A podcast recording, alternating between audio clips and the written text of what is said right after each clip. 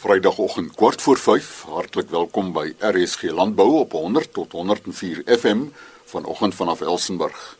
Chris Viljoen groet met die volgende bydraes in hierdie kwartier. Môre begin vandag ondersteuning in dae van moedeloosheid.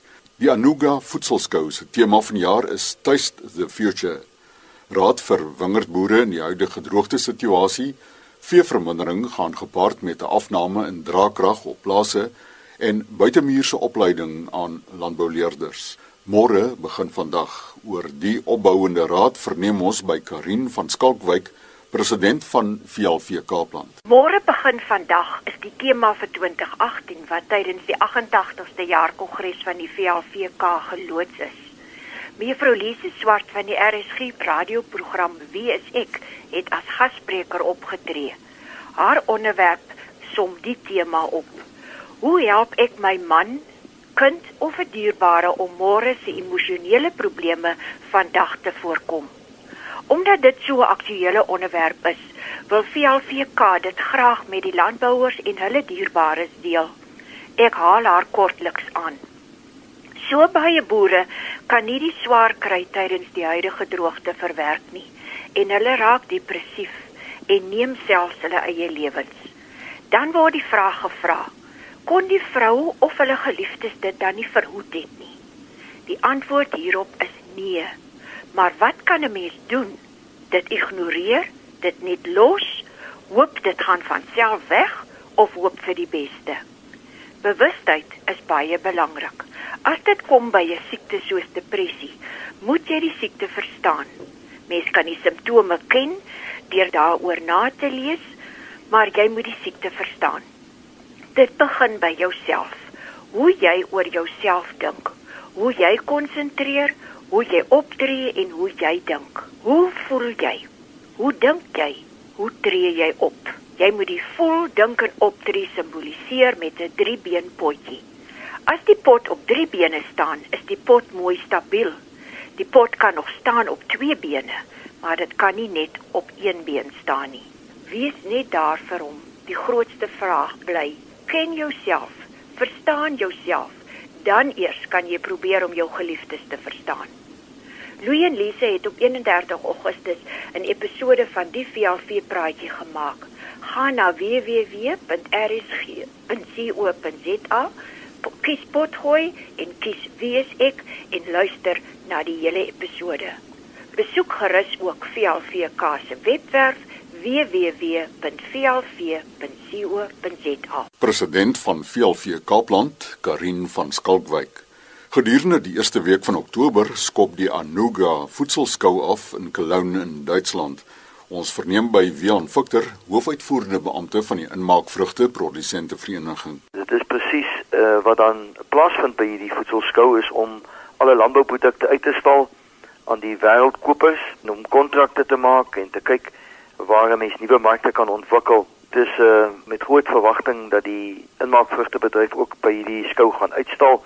Die bedryf is in die laaste 10 maande in 'n afwaartse fase. Die afgelope 10 maande was vir ons 'n baie moeilike maande gewees. Twee redes hoofsaaklik, die sterk wisselkoers maak dit ons baie moeilik in die buitelandse markte kompeteer en die sapmark in die wêreld is besig om af te gaan dit het sy ehm uh, invloed ook op die inmaakvrugtebedryf en dit is hoekom ons natuurlik met groot verwagting na hierdie uh, voedselskou toe gaan. Ons wil die Suid-Afrikaanse inmaakprodukte, sapprodukte gaan uitstal om te kyk of ons nie nuwe winsgewende markte kan ontwikkel nie. Dit is ook so dat ons natuurlik in die Suid-Afrikaanse bodem op die oomblik deur 'n droogtefase gaan wat dit vir ons baie moeilik maak, veral uh, omdat die sapmark ook dan nou die kleiner vrugte vat. Met 'n droogte sal daar noodwendig 'n seker meer kleiner vrugte wees waarvoor ons dan nie 'n mark het nie en ook nie 'n prys het nie.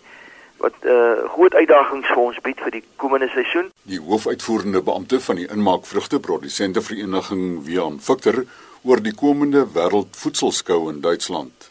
Wat staan wingerdboere te doen onder die huidige watertekort?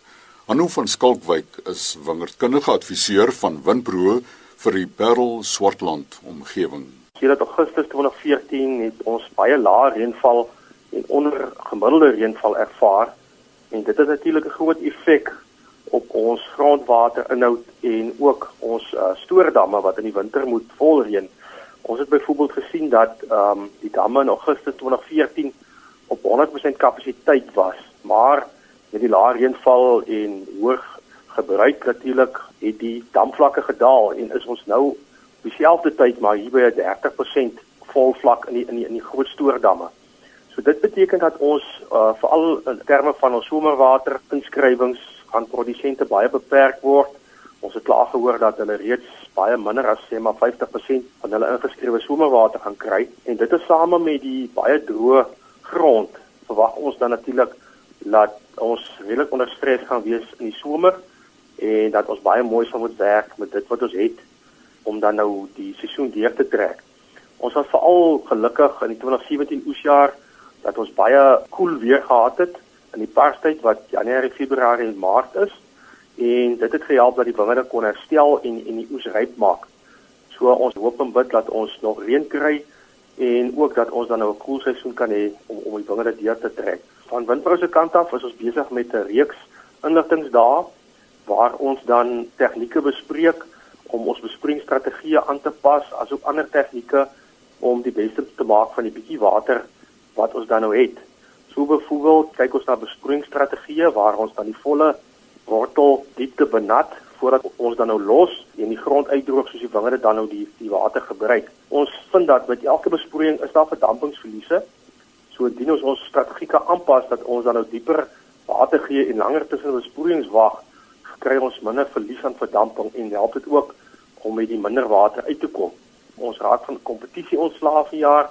Ons het ons dekgewasse baie vroeg doodgespuit, onkruide baie vroeg doodgespuit om daardie waterverbruik dan nou uit te skakel. Produsente pak ook dekla in die wingerd waar hulle strooi en kaf het om hulle ook oppervlakte verdamping te beperk. Um, ons adviseer ook ons uh, produsente om te verjaar te kyk na kleiner loweroppervlaktes omdat 'n groot lower gebruik natuurlik meer water vir uh, transpirasie. Dit is maar om die plant af te koel.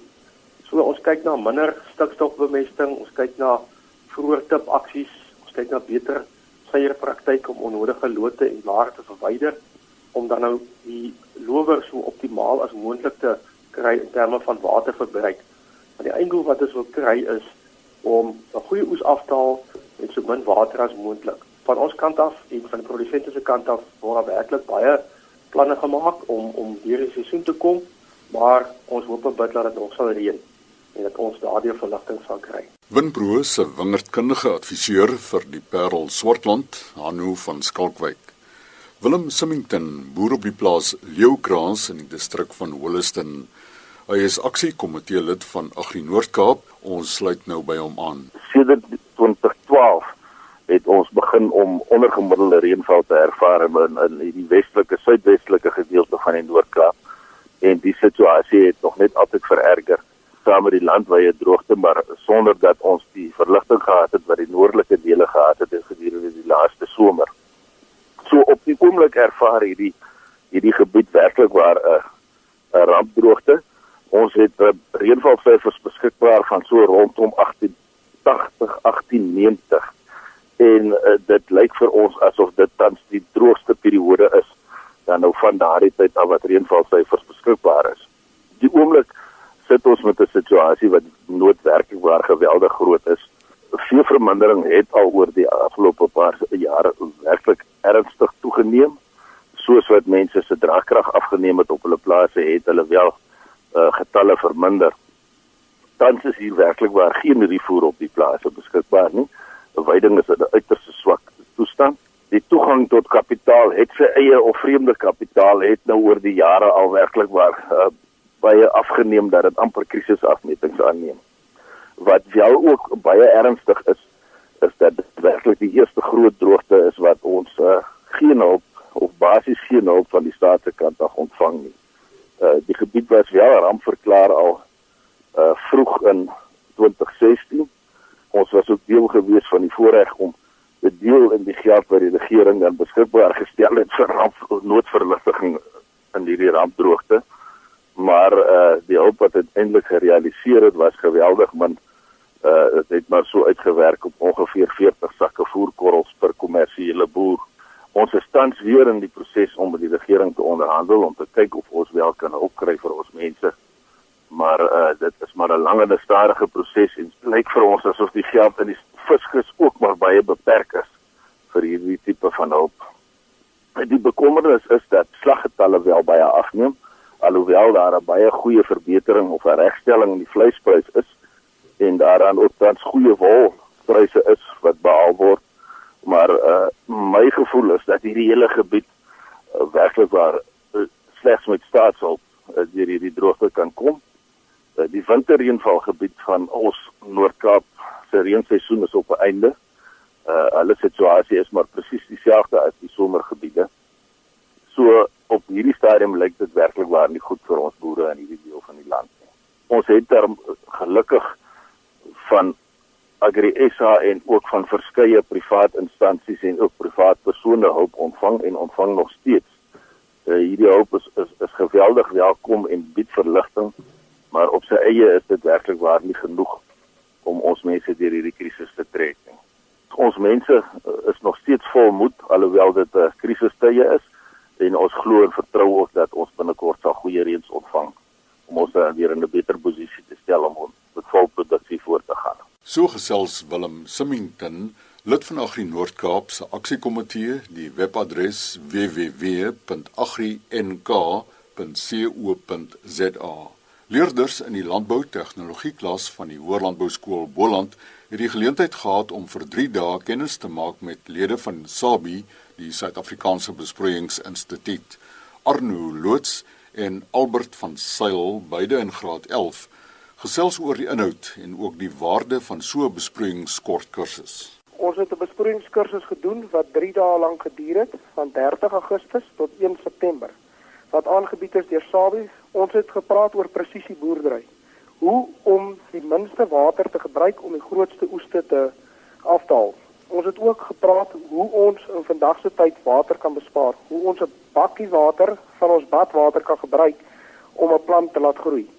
Ons het ook elke middag na afloop van die dag het ons prakties gedoen op ons buurplaas waar ons hulle drupstelsel geëvalueer het.